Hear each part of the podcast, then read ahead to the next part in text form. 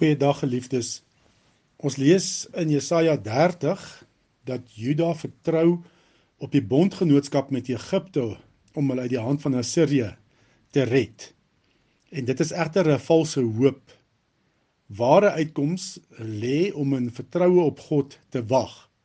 Die profeet sê in Jesaja 30 vers 18: Tog is die Here gretig om julle genadig te wees en wil hy hom oor julle ontferm.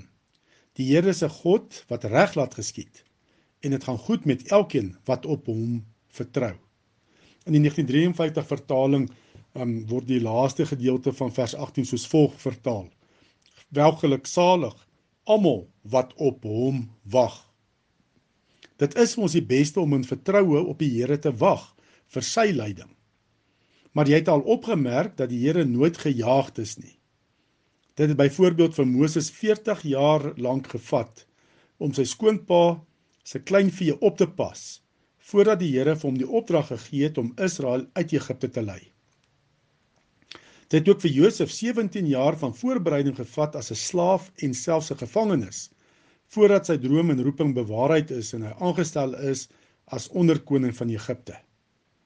Dit het ook vir Jakob omtrent 20 jaar gevat om vry te kom van sy skoonpa Laban se beheer.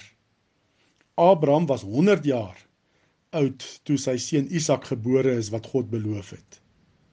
God is nie gejaagd nie. Hoekom nie?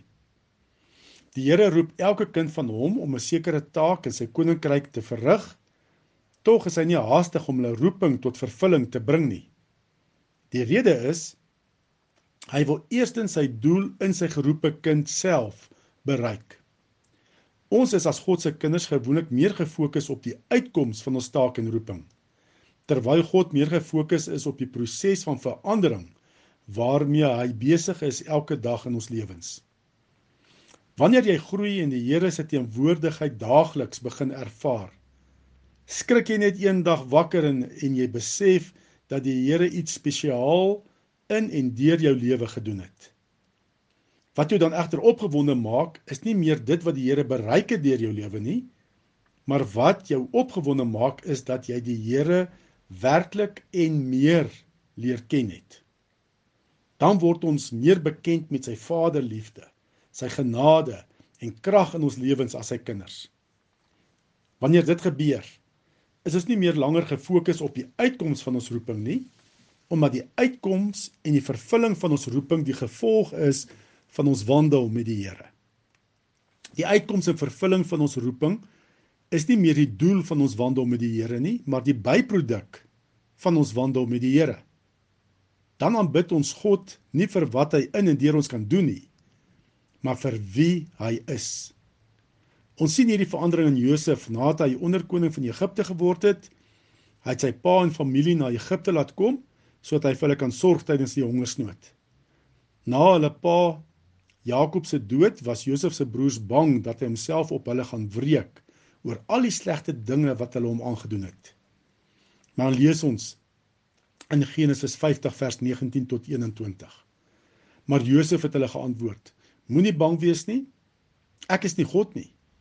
Julle wou my kwaad aandoen, maar God wou daarmee goed doen. Hy het gesorg dat 'n groot volk nou in die lewe bly. Moenie bang wees nie. Ek sal sorg dat julle en julle kinders kos het. Daar's geen hoogmoed meer uh, by Josef teenwoordig van sy jonger dae teenoor sy broers nie. Want dit gaan oor God en sy plan met Israel. Josef het sy lewe totaal oorgegee in sy wandel met die Here. En na Pinkster het ons die Heilige Gees ontvang wat nou in ons woon en besig is met 'n proses om ons te vernuwe na die beeld van Jesus Christus met sy vrug. Daarom moet ons ons laat lei deur die Heilige Gees en wag op die Here se tydsberekening. Ons moet onsself oorgee aan die vernuwingsproses waarmee die Heilige Gees besig is in ons lewens. Paulus vermaan ons in sy Galasiërsbrief, Galasiërs 5 vers 16 tot 17. Wandel deur die Gees, dan sal jy nooit die begeerlikheid van die vlees volbring nie. Want die vlees begeer teen die Gees en die Gees teen die vlees en hulle staan teenoor mekaar sodat jy nie kan doen wat jy wil nie. En wanneer ons onsself oorgee aan hierdie vernuwingsproses van die Heilige Gees en fokus om die persoon te word wie God wil hê ons moet wees, dan sal ons God ervaar op maniere wat ons nooit gedink moontlik is nie.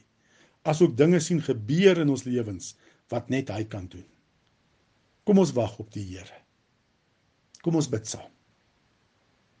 Here, ons wag op U. Heilige Gees, vorm en maak ons die persone wie U wil hê ons moet wees. Ons vra dit in Jesus se naam. Amen.